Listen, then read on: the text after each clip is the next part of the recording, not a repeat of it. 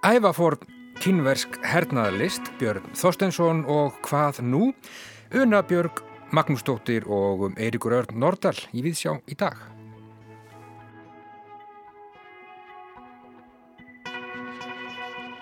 Hernaðarlist meistara Sunn er eitt rómaðasta og viðlesnasta fornriðt kynverja. Bókin var skrifuð fyrir um það byl 2500 árum, þetta er elsta riðt heimsins um hernaðartækni og já, bein áhrif þess á hernaðartækni kynverja og þjóðana í kring í tímanarás þau verða sendt ofmetinn auk þess sem að bókin hefur haft viðtæk áhrif á vesturlöndum. Ekki aðeins í hernaði heldur líka í viðskiptum og stjórnun svo nokkuð sé nefnt. Geir Sigursson, professor í kynverskum fræðum við Háskóla Íslands, hann hefur nú þýtt þessa merkubók úr forn kynversku og hún er komin út í tvímála ritröð stopnunar veitísar Finnbóadóttur í erlendum tungumálum. Geir verður gestur við sjár í dag. Björn Þór Viljámsson, bókmyndagagrinandi, hann fjallar í dag um nýjútkomna skálsögu eftir Eirík Örn Nordal. Brúin yfir tangagötuna nefnist hún og um, þar sem að Eiríkur segir okkur að því er mér skilst ísfyrska ástarsögu. Það er vinnustopp í rækjunni, gatan sundurgrafin og bærin fullur af forvitnum túristum en Handan við brúna býr Hamingjan, þangað eru nýju og hálf skref og svo framvegis meira um þetta í viðsjá í dag og ætlum líka að huga að myndlist sunna Ástþórsdóttir sem að talar um myndlist hér í viðsjá. Fjallar í dag um síningu Unu Bjarkar Magnúsdóttur í DSL Hafnarhúsins í listasafni Reykjavíkur. Síningin nefnist Mannfjöldi hverfur sporlaust um stund og um, þetta er síning sem að stendur fram í miðjan mars. Sunna talar í dag meðal annars um byðina eftir hinnu óvænta í samhengi við þessa síningu Unu Bjarkar og uh, Björn Þorsteinsson, heimsbyggingur, hann heldur áfram að glíma við spurninguna hvað nú og talar í dag um heimsendi eins og annars. Björn hefur flutt pistla hér í Víðsjá á miðvíkudögum í februar og heldur áfram að horfa til framtíðar. Áleitnar spurningar leita á Björn í dag svo mikið er víst. En við byrjum í Kína.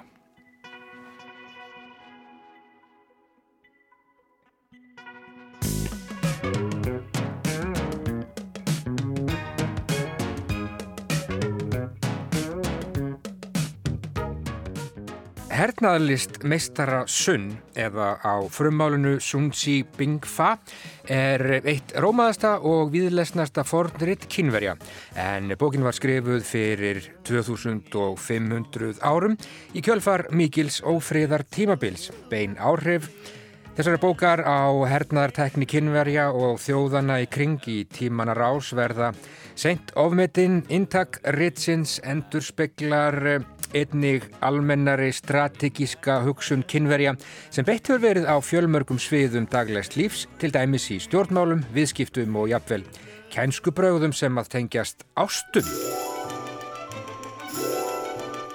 Geir Sigursson, professor í kynverskum fræðum við Háskóla Íslands, hann hefur nú þýtt þetta merkaritt úr forn kínversku og um, er frumtekstinn byrtur við hlið íslensku þýðingarinnar. Við þýðinguna hefur Geir ritað fjölmarkar skýringar og ítarlegan ingang þar sem litið er sett í sögulegt samhengi og um, gerð grein fyrir heimsbygginni sem eh, bæði byrtist og leynist í tekstanum. Rittstjóri þessara bókar er Rebecca Þráinstóttir, Mikael M. Karlsson er fræðilegur rittstjóri verksins en bókin kemur út í tvímála rittröð stopnunar Vigtísar Fimboadóttur í Erlendum tungumálum. Þetta er ellefta bókin sem kemur út í þeirri fínu röð. Hernaðalist Meistarasunn er, já, eitt af frægustu verkum kynveskra bókmenta fyrr og síðar, 2500 ára gamalt og Elstaritt heims sem fjallar um hernaðartækni og kænsku bröð í hernaði. Ritið hefur jafnframt verið yfirfærti á fjölmörgunu svið eins og áður segir, ekki síst viðskipti og stjórnun og auðvitað verið þýtt á fjölda tungumála. Verður velkomin í Víðsjá Geir Sigursson. Eh, þetta er eh, stórmerkileg bók, segð mér aðeins frá. Þetta er ritt sem að var vantala fært í letur fyrir um það byrjum 2500 árum, einmitt eins og þú nefndir, svona í upphafi tímabil sem að var uh, svona, má segja kannski 260 ára laung borgarastyrjöld í Kína. Þannig að þegar Kín verið að gera eitthvað, þá gera þetta almenlega og uh, mikið ófriða tímanbild það sem að, uh, það sem að Kína hafði í raun og veru verið saminað svona að mestu leiti undir ein, einni konungsstjórn en, uh, en uh, héröðin fóru að brjóta sig undan þessu konungsfaldi og, og, og lýsa sig í raun og veru svona sjálfstæð, svona sjálfstæð ríki mm -hmm. og þau fóru náttúrulega bara að berjast um yfiráðasvæði og fólk og annað slíkt og, og þetta endaði í bara gríðala miklum uh, hérna, hernaði sem að, eins og ég segi stóði yfir í 260 ár Já. þar til að Kína var samin að, að nýju 221 á undir keisara og var síðan meira að minna samin að alveg þar til að hérna, undir keisarastjórn þar til að það fjall 1905 en eh, þessi þetta ritt og það gildi nú reyndar um all flest kínverðsk heimsbyggiritt að þau eru rittuð og, og, og heimsbyggin er svona eh, hugsuð Uh, í kringustæðum það sem að hernaður og upplöst á sér stað. Já, þannig að þessi heimsbyggi er raun og veru meirað að minna öll einhvers konar viðbræð við upplöstnar ástandi Já.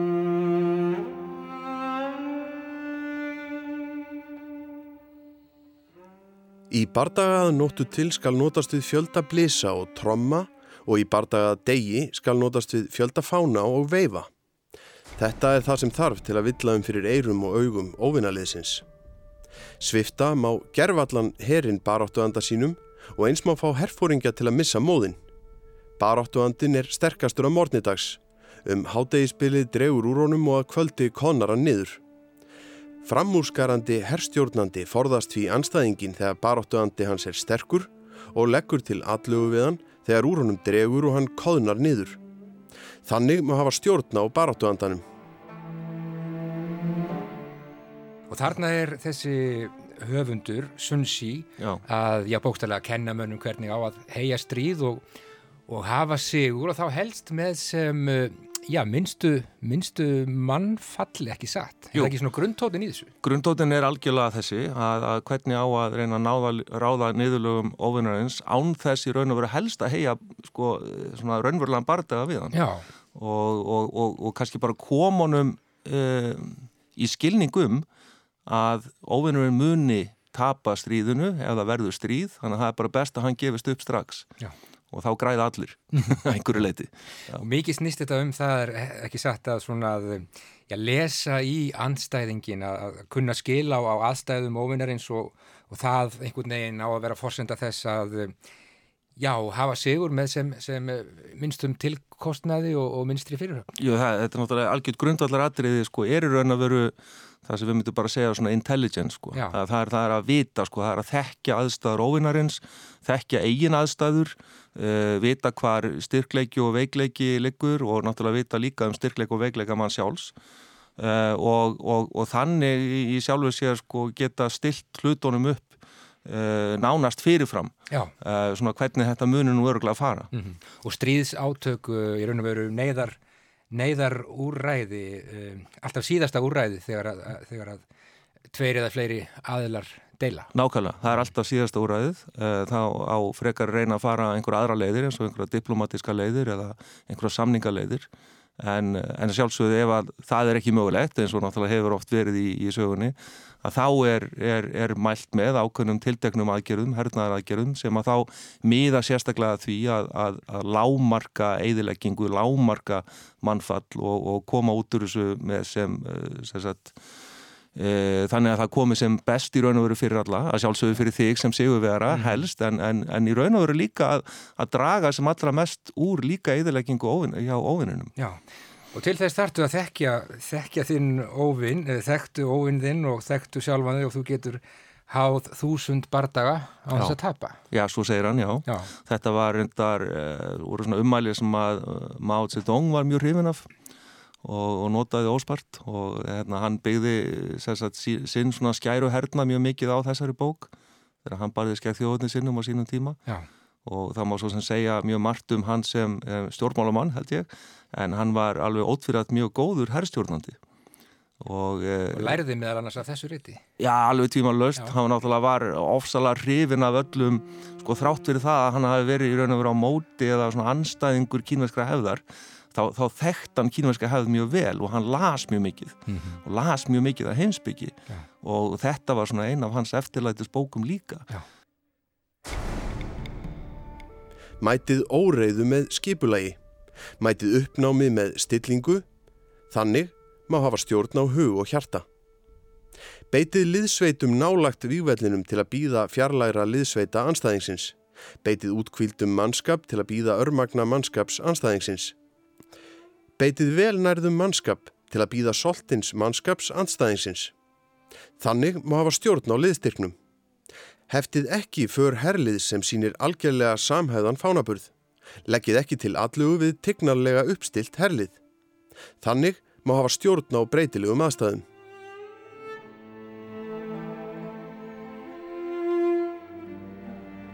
Og þetta er bók sem hefur haft uh, mikil áhrif, þú nefnir má, bókin er þýtt á frönsku hvað upp úr miðri 18. öld 1772 held ég já. á ennsku 1910 já.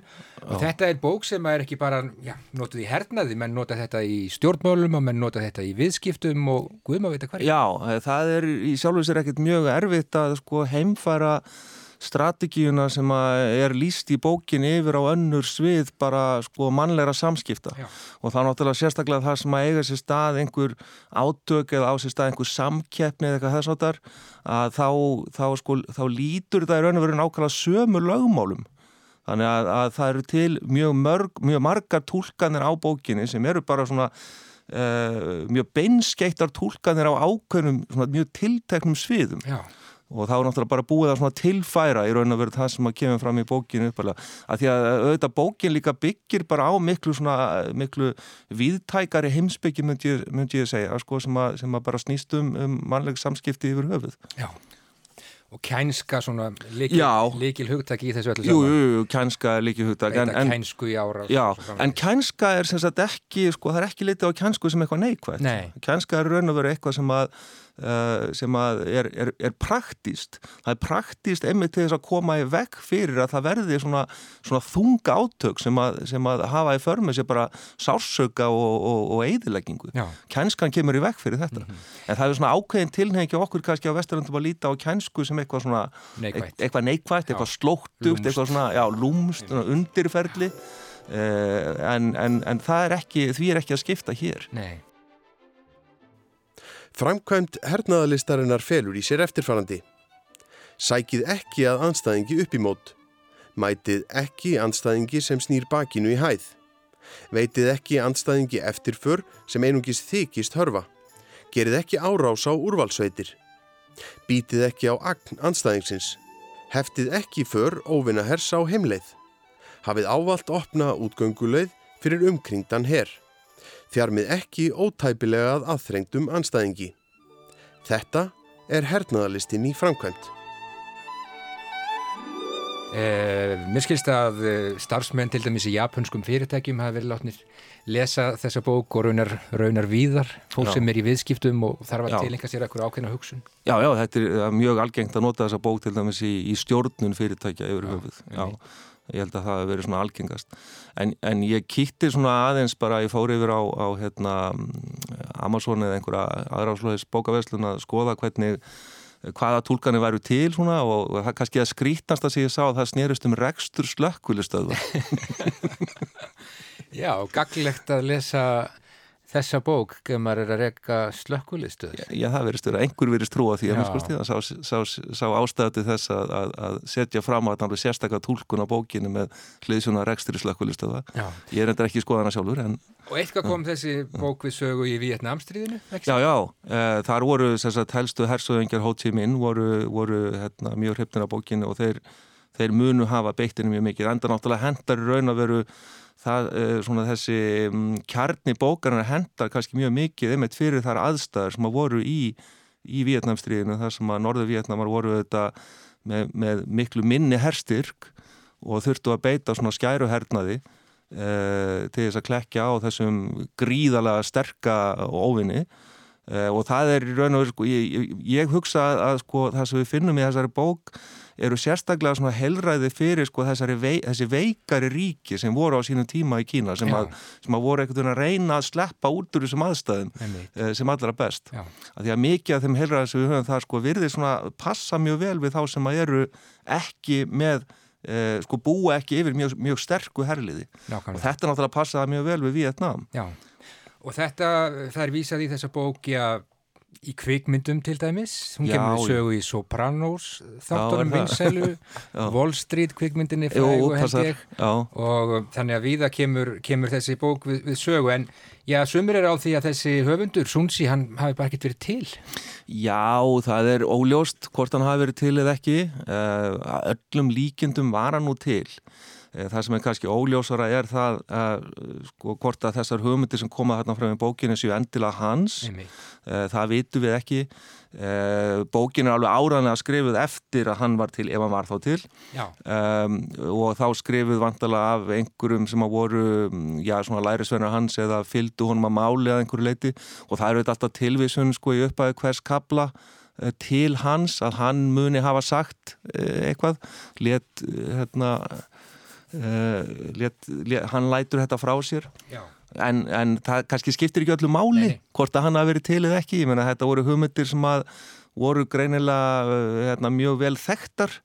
Uh, og, og áttu náttúrulega síðan eftir að verða svona kannski helstu hugmyndir kínverska keisaraveldi sem, þeirra, sem að snýru að hernaði. Já, bókin er allavega til. Sá er skilur hinn jamt sem sjálfan sig. Sigurinn vist úr bítum ber en skilji hann einnig heiminn og jörð þá segurinn verður algjör. Það er margt svona mjög fallega sagt í þessari bóku og svona mikið um líkingamál og stundum er þetta bara ljóðrænt á köplum. Já, það er bara gaman að heyra það, Já. það sé ljóðrænt. Já. Já, ég var vonast til þess að ég myndi, ég myndi kannski ná því að einhverju leiti. Já. En þessi bók er komin út hernaðalist meistara sunn í eh, íslenskri þýðingu Geirs Sigursson sem að þýðir þetta takk fyrir úr forn kynversku og þetta er tvímála útgáfa þannig að menn geta virt fyrir sér eh, kínversku táknin til hliðar við eh, íslenska tekstan. Ég segi bara til hammingju geir með þessa fínu bók. Takk fyrir komuna í Víðsjá og við skulum bara halda áfram að beita kænsku til þess að ná markmiðum okkar. Er það ekki? Kæra þakkir. Takk. Já.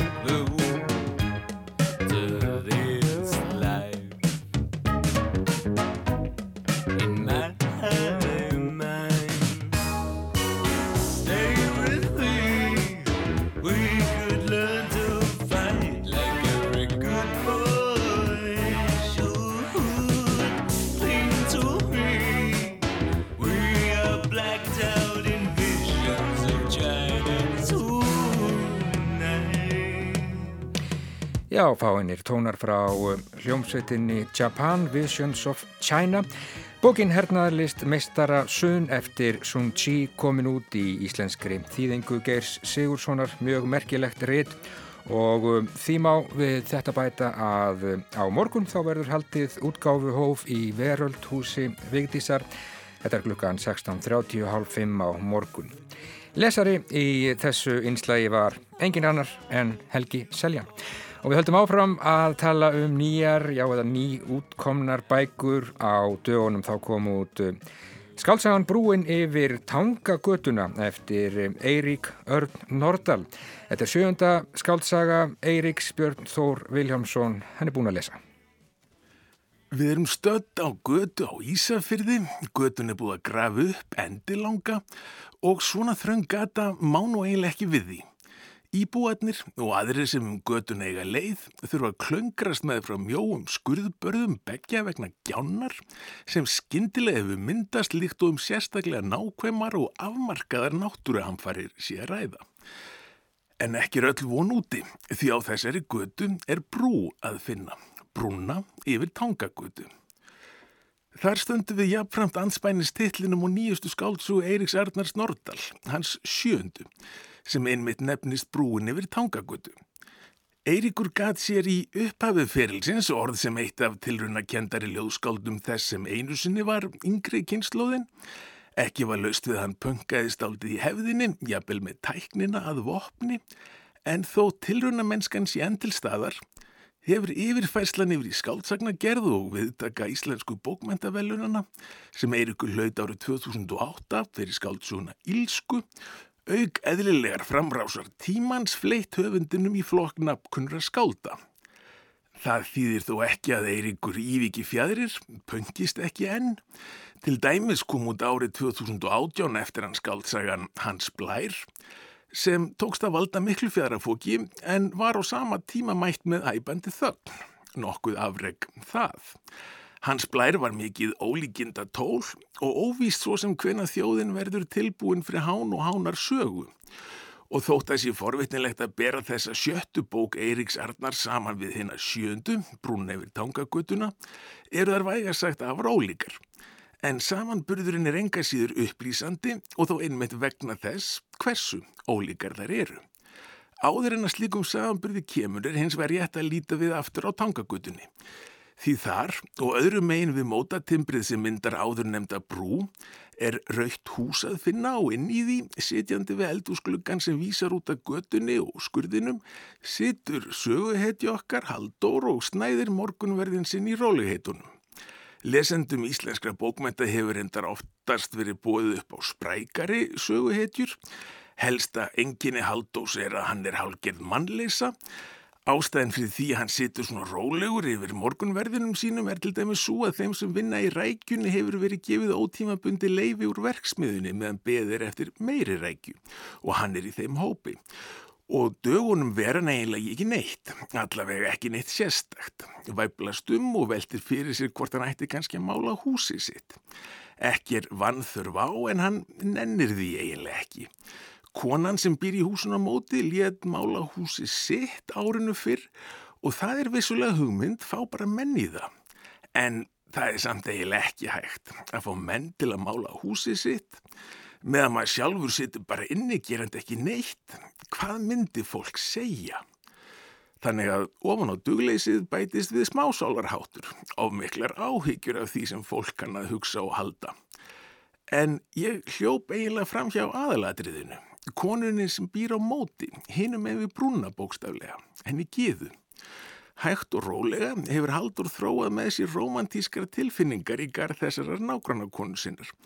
Tilfinningar sem hún er alfarið ómeðvitið um en það hafaðu varla skipst á orðum hvað þá Haldur hafi gert tilrönd til að kynast henni betur. Á milli þeirra er með öðrum orðum gjá, bæði í eiginlegri merking orðsins og svo yfirferðri.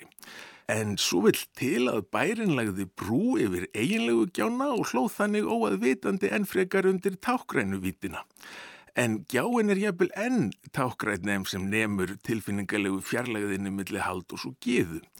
Milli Haldórs og heimsins liggur líka gjá.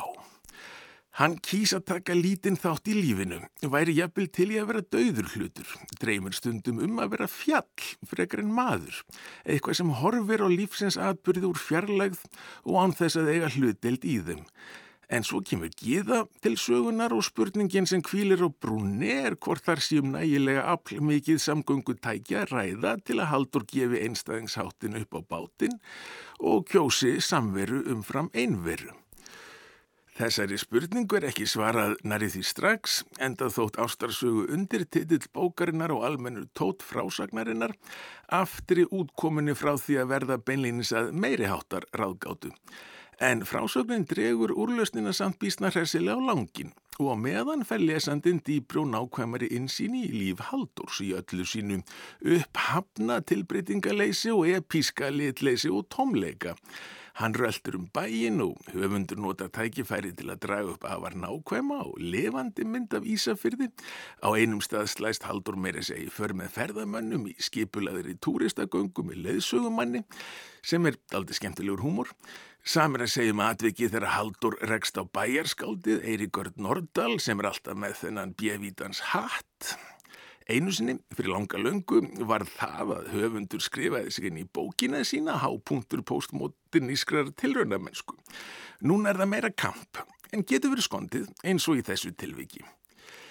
Ég hef talað um litleysi og dugleysi í samhengi við aðalsöguhetjina, Haldur.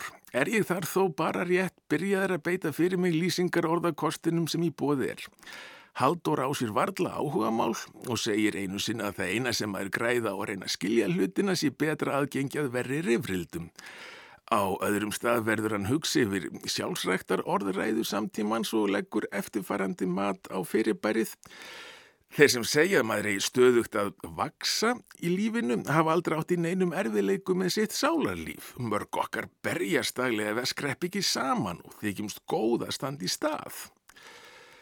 En þá snýst spurningin kannski um hvaða staður það er sem maður leitast við að viðhalda og Halldór er ekki á góðum stað. Dauðibli, það er hann á nokkur svafa sem og yðjuleysingi, hann er líka metnaðalös og alvondur í samskiptum sem hann hvort sem er forðast. En það er samt alltaf mest að fyrða hvað lesendur geta samsamað sig gölluð fólki, hvað skapgerðabrestir geta verið forvitnilegir. Syndin sem í þessu tilviki er erfiðast að fyrirgefa og þá vegna þess að hér eru um ástarsögaræða er hversu óframfærin Haldur er, hversu óhemjulega getulös hann er í ástamálum.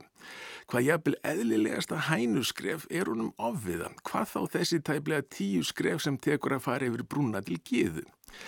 Að fylgjast með þessari veraldlegu og andlegu lömun aðalsöguhetjunar reynir stundum allverulega á taugar lesanda. Og þá komum við að samanburðinum við hans blæ, en titilpersona þeirrarbókar gæti ekki verið ólíkari söguhetju vorri. Málingakrísan, sem minnst var á hér á ofan, myndi til dæmis aldrei staldra við lengur en sekundu broti í vitund þeirrarsögupersonu.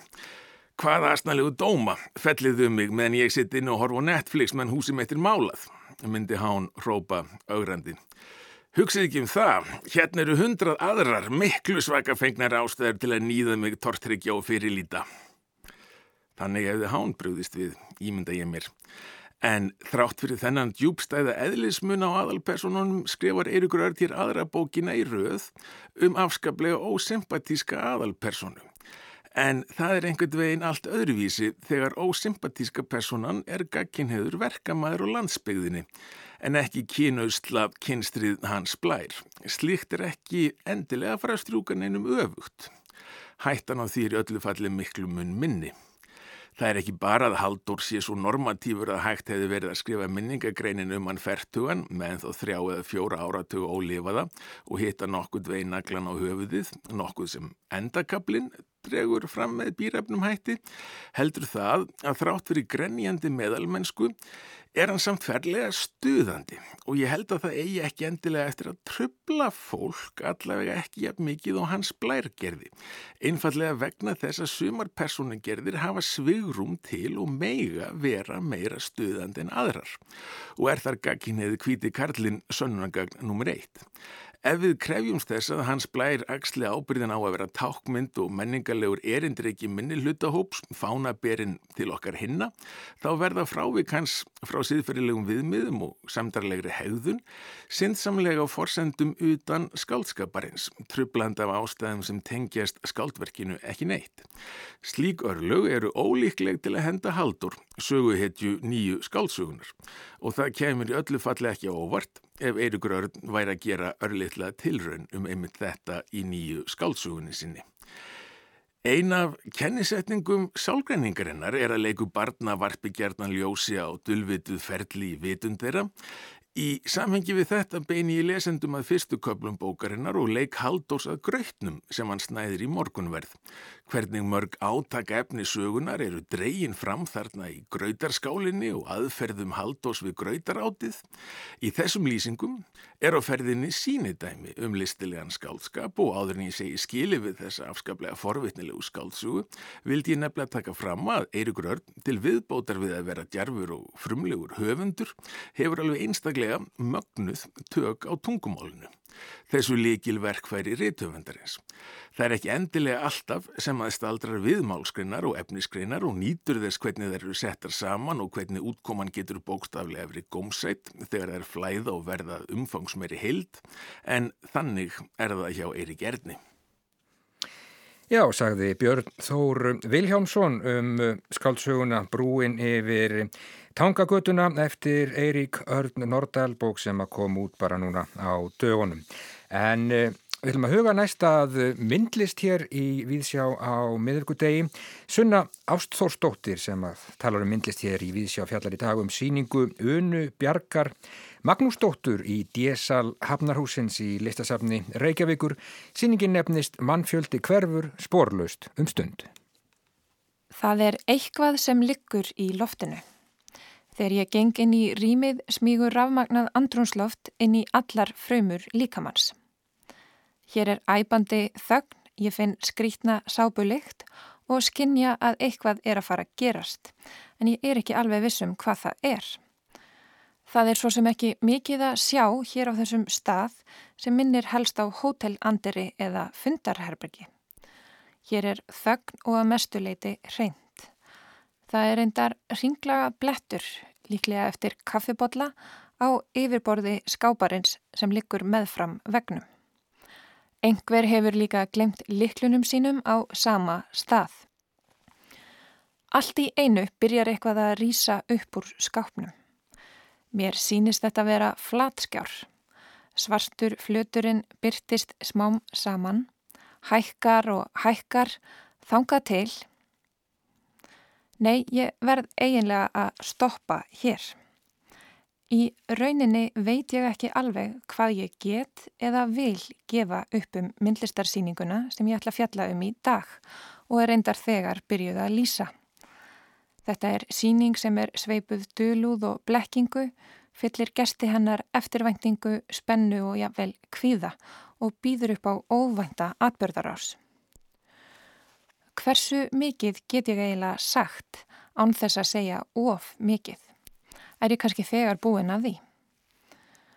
Sýningin sem umræðir ber hinn ljóðræna titil Mannfjöldi hverfur sporlaust um stund eða Vanishing Crowd á ennsku og er eftir myndlistamannin Unu Björg Magnúsdóttur en það er Aldís Snorradóttir sem síningastýrir.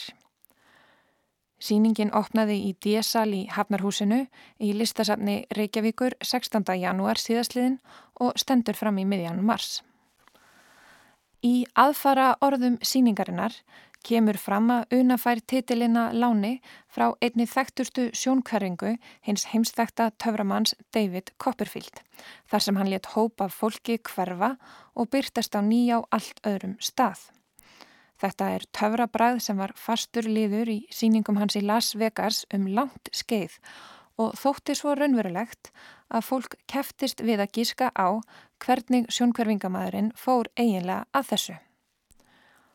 Leindarmálið var vel geimt þangað til Copperfield neittist til að gefa það upp í frægum réttarhöldum sem ég ætla nú ekki að fara nánar út í hér.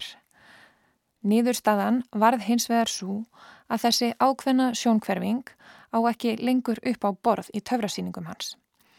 Hulunni hefur verið svift af gjörningnum og áhörvendur geta ekki lengur freistast til þess að trúa á sjónarspilið.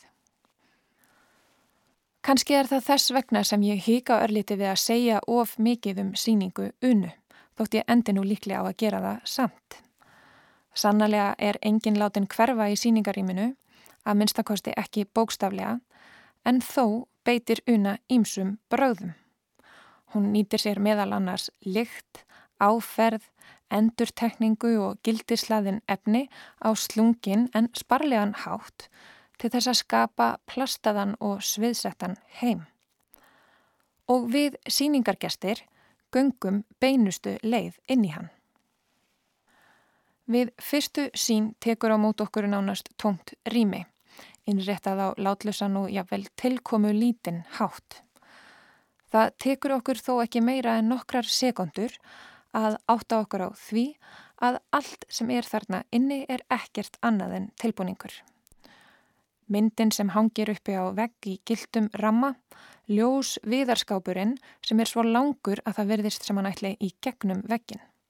Liklarnir og kaffibletturinn á borði skápsins, kvítu rimlagardinunnar sem hanga á hóværan hátt í glukkunum.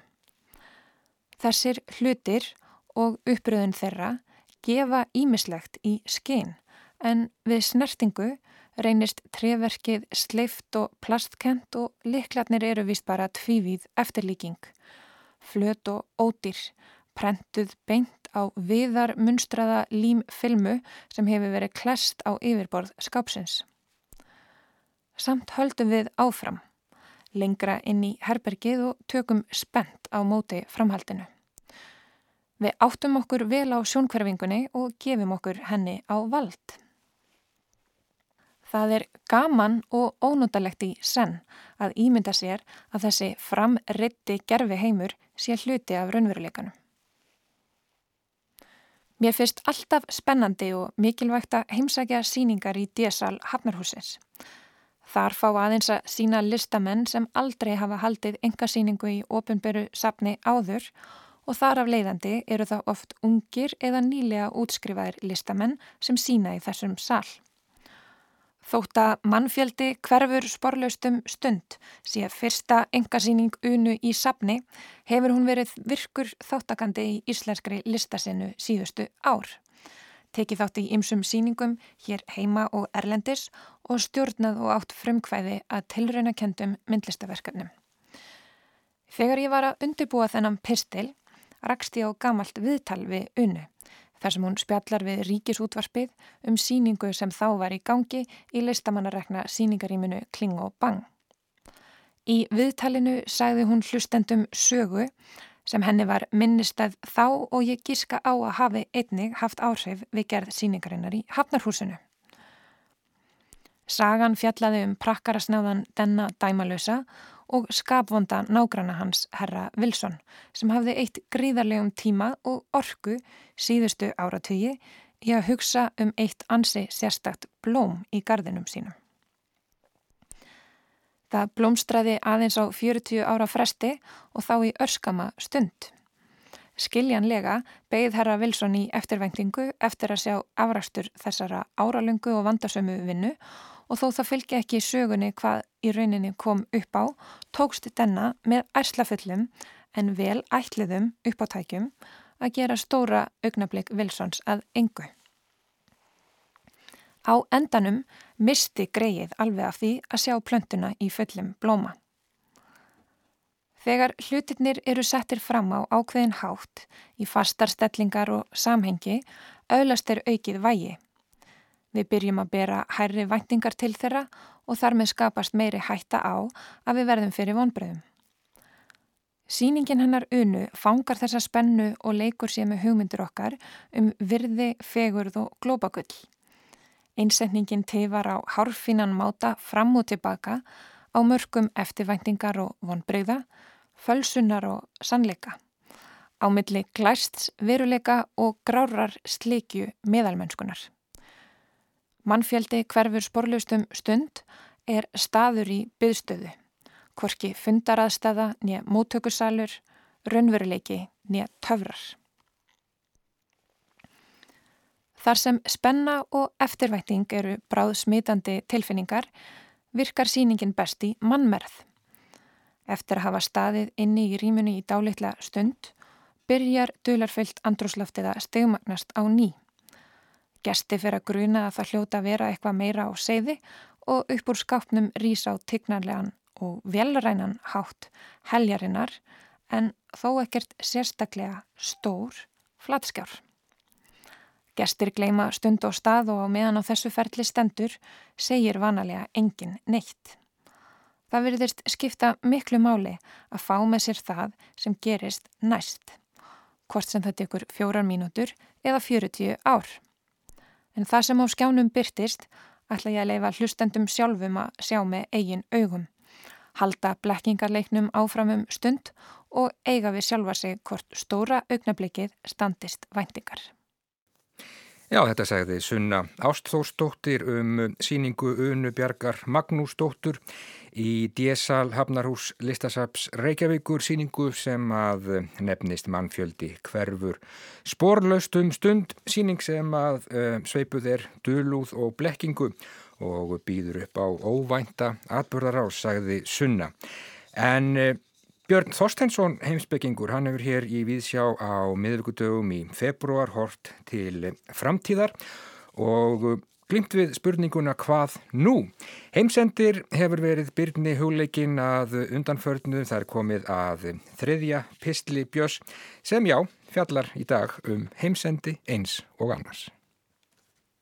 Góði hlustendur, þriðja sinni sest ég við hljóðnumann í útashúsinu við Efstaleiti og hef upp röst mína í bóði viðsjár undir yfirskriftinni hvað nú? Af einhverjum ástæðum hefur það farið svo að þessi yfirskrift, þessi opna og neittanlega nokkuð ágenga spurning leiti mig út í bísna markhauða fimpulfambum heimsendi, hvorki meirinn minna.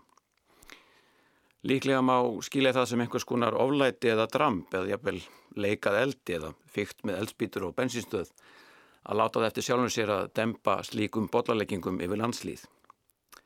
Heimsendir er það ekki hugtak sem ber að umgangast með varúð og að varfærni áraðanlega hvena sem er en ekki síst nú ádögum. Mér verður hugsað til reyðamannsins í sjónvarsfrettunum um daginn sem aðspurður um umhverfsmál og mögulegar áhyggjur sínar af þeim setti á tilfinningaþrungna tölu um hversu mikill ábyrðar hlutur það væri að ala á kvíða fólks fyrir framtíðinni og tók sem dæmi tvær tvítugar stúlkur sem hann hafði heyrt af og töldu það deginum ljósara að þeirra hlutskipti yrði að verða ekki degi eldri en færtugar heimsendir myndi sjá til þess. Hvers slags vittlis er þetta eiginlega að halda þessum legum að fólki, spurði maðurinn og rauk á brott. Já, þetta er góð spurning. Hvað er satt, hvað er líi og hvernig á að fara með hvort vekja, hvernig á að bregðast við þegar legum er haldið að fólki og hvernig á að halda hennu sanna að fólki. Er það kannski betra eða skárra að halda þægilegum legum að fólki heldur en óþægilegum sannindum? Og hver annars þess umkominn að skilja þarna á milli? Því að, já, spyrjum bara aftur, Hvað er satt og hvað er logið þegar er á botnin kvólt? Hver veit það? Við göngum í ringi eins og villur ávandi ferðamadur í þóku eða hríðarbill. Spurningi snýr aftur og sækir að okkur að nýju því að eitthvað verðum við að hafa fyrir satt, einhverja skoðun verðum við að hafa samtíma okkar að stöða okkar í honum en hvaða skoðun? Hverju eigum við að trúa í heimi það sem ekki ber á öðru en að okkur steðji mikið lókn, að lofslag og jörðu fari óðum hlínandi, að jöklar bráðunni og sjáast að það hækki, að æðimerkur stækki og allskynns yllviðri og öfgar í veðufari gerist ætíðari, að þýrustig sjáar fari fallandi og kórallar séu vestlast upp og deyja, að ekki sé minnst á aðrar dýrategundir sem óðumunu hverfa við yfirborði jarðar er framheldu sem horfir, bíflugur, górillur, kólibrifuglar, jafnvel ljón og gírafar. Þannig að málum hátað, staðan er þessi, að sögna minnstakosti og hvaða nú? Til hvers er ætlast af okkur, venjulegu fólki, alumúanum sem setu við viðtækin eða allir þess að skjái, Hvað eigum við til bræðast að taka? Eigum við að beina sjónum annað, eigum við að líta undan, eigum við að taka lífinu létt og kætast meðan kostur er, hanga sem mest á netinu og senda eins mikið af persónupplýsingum og hægt er út í eterinn, meðan einhverjir aðrir, ráðamenn, auðmenn, allar handar ansækendur og stefnumúndur bjarga málunum. Eða eigum við að fórna höndum, eða réttar sagt hefja hendur á loft, hefja það til himins og fel okkur forsónina vald, í trúni á einhvers konar guð síðan einhver staðar ennþá og hann sé annarkort bara að reyna okkur að leggja á okkur þessa raun, þessa kreppu, þessa tilvist rángist, anspænis möguleikar um einhvers konar heimsendi en hann ætli sér ekkert með því og þetta verði á endanum allt í lægi, einhvers konar kraftaverk verði og þróunin snúist við. Dýrategundi sem við heldum útuðar byrtist allt í hennu aftur, jöklarni taki aftur að stækka, eðimerkurnar að hörfa og hafið að stillast eða hann þessi guði sé þvert á móti búin að fá nóg af okkur og ætli sér að kalla okkur all til sín og einmitt svona faran að því þessi framvinda öll, hamfarinnar og flóðin og drepsóttinnar og fólksflóttin og helfur dýrana séu ekkert annað en tjáningamáti hans nokkuð gamalkunnur og gamla testamentislegur og til þess ætlaður að láta okkur finna fyrir því, láta okkur engjast og kveljast eins við hrópum upp yfir okkur nóg komið, nóg komið, við þólum ekki meira og hverfum svo út í sortan, út í ómælið.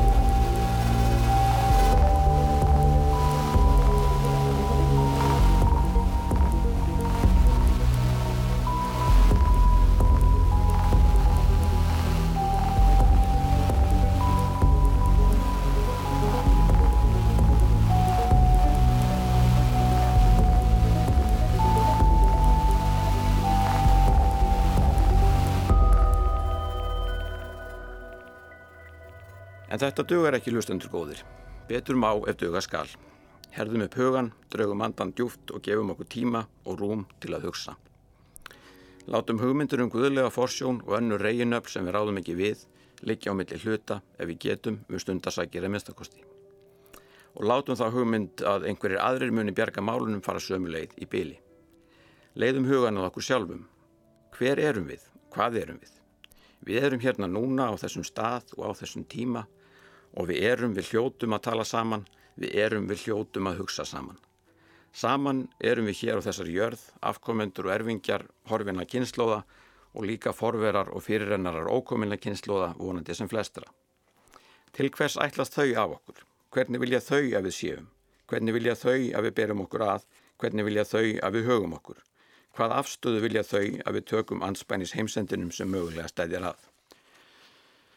Þetta eru áleitna spurningar en vandin er sá að þær eru ekki auðvöldar viðfangs.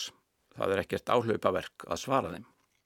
En þar eru áleitnar vegna þess að auðvitað viljum við standa okkur. Við viljum reynast vandanum verðug, við viljum gera það sem rétt er, það sem afkomendur okkar munu geta glaðst yfir og líst velþoknun á.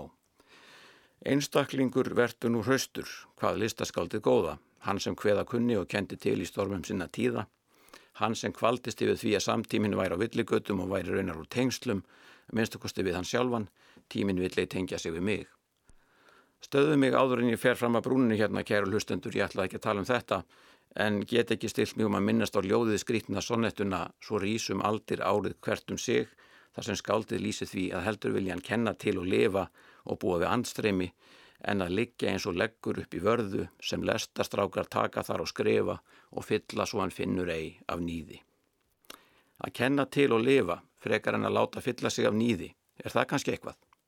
Og að lifa er að vera í tengslum, að vera í sambandi, í sambandi við eitthvað annað, við það sem fyrir er og fyrir ber, annað fólk undur náttúrunar, dýrin, fugglana, jörðina, gróðurinn, sólina, stjörnunar, geimin, auðvitað sjálf hans er líka. Að vera í tengslum er að opna ekki bara augun, heldur öll vit, skilningavit, brjóstvit, mannvit, siðvit, verksvit og bókvit, opna hugan og sjá, heyra og skinja og skilja að allt er tengt á míseflega leinda, míseflega augljósa vegu og allt á sinn stað í þeirri miklu hljómkviðu sem jarlífið og alheimurinn er, allt leggur sitt til mála, allt má vera á sinn hátt og allt má eiga sína stund og sinn stað, meira sé heimskan, ofbeldið, skamsinin, mannhatrið og fyrirlitningin og hverju sem er, það má líka vera en það á þá líka að vera á sinn hátt, á þann hátt sem því tilherir, á þann hátt sem kalla fram viðbrað og ansvar sem seti þess að það verður undan að láta. Og hér á þessum stað í samhengi hlutan á heimsendir líka heima. Hann er þegar aðeir gáð, ekkert annað og meira en hvað eina annað sem vera skal, ekkert öðruvís en hvað annað sem fyrir ber í tilveru okkar, að því leitið hann getur verið eitt og annað, hann er margræður og raunar óræður og alls ekki víst hvernig hann yrði ef hann tæki upp á því að verða að vera umveruleika og þar að leiðandur er líka allsendis óvíst hvað áhrif hann hefði á okkur. Því að heimsendir tiltekin útgáðað að raungerfing heimsendis getur allt eins reynst hafa eitthvað sem við getum kallað jákvæðar afleðingar til dæmis fyrir allan megin þóra mannkins þá alþýðu manna sem á ekki fjemunni í skattaskjólum ferðast ekki um í engaþótum og hefur ekki á prjónunum að kaupa upp jarðir á Nýja Sjálandi að í vopnafyrði í því skinni að setjast þar að þegar önnu svæði verða óbyggileg. Heimsendir eins er upphaf einhvers annars, er það ekki góð allaga að málsæti.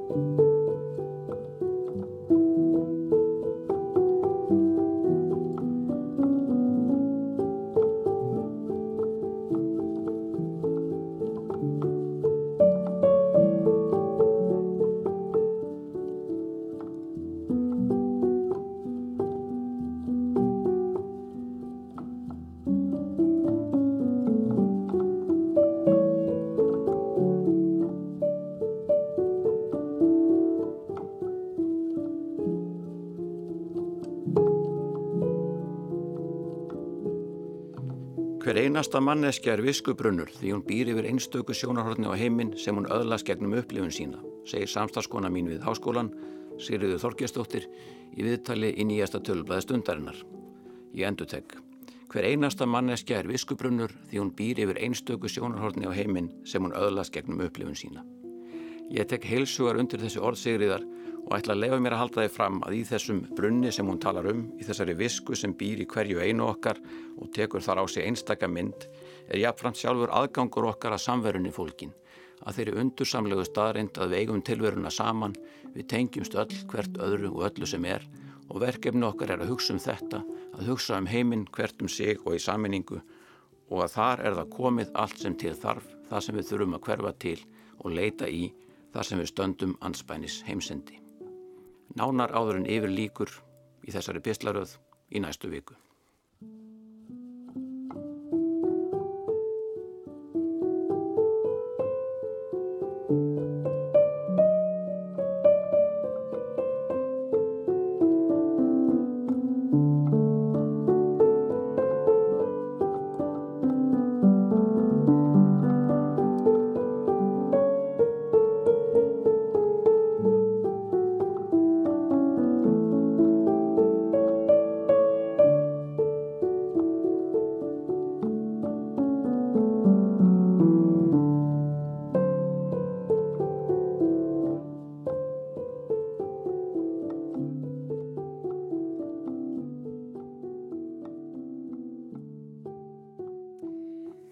Já, prelódía í Getur eftir Jóhann Sebastian Bach, vikingur Heiðar Ólafsson á eftir Pistli Björns Þorsteinssonar.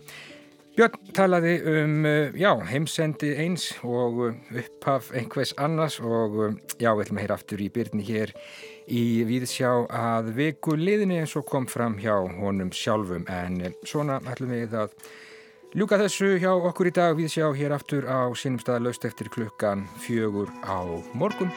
Takk fyrir samfélgina, verið sæl.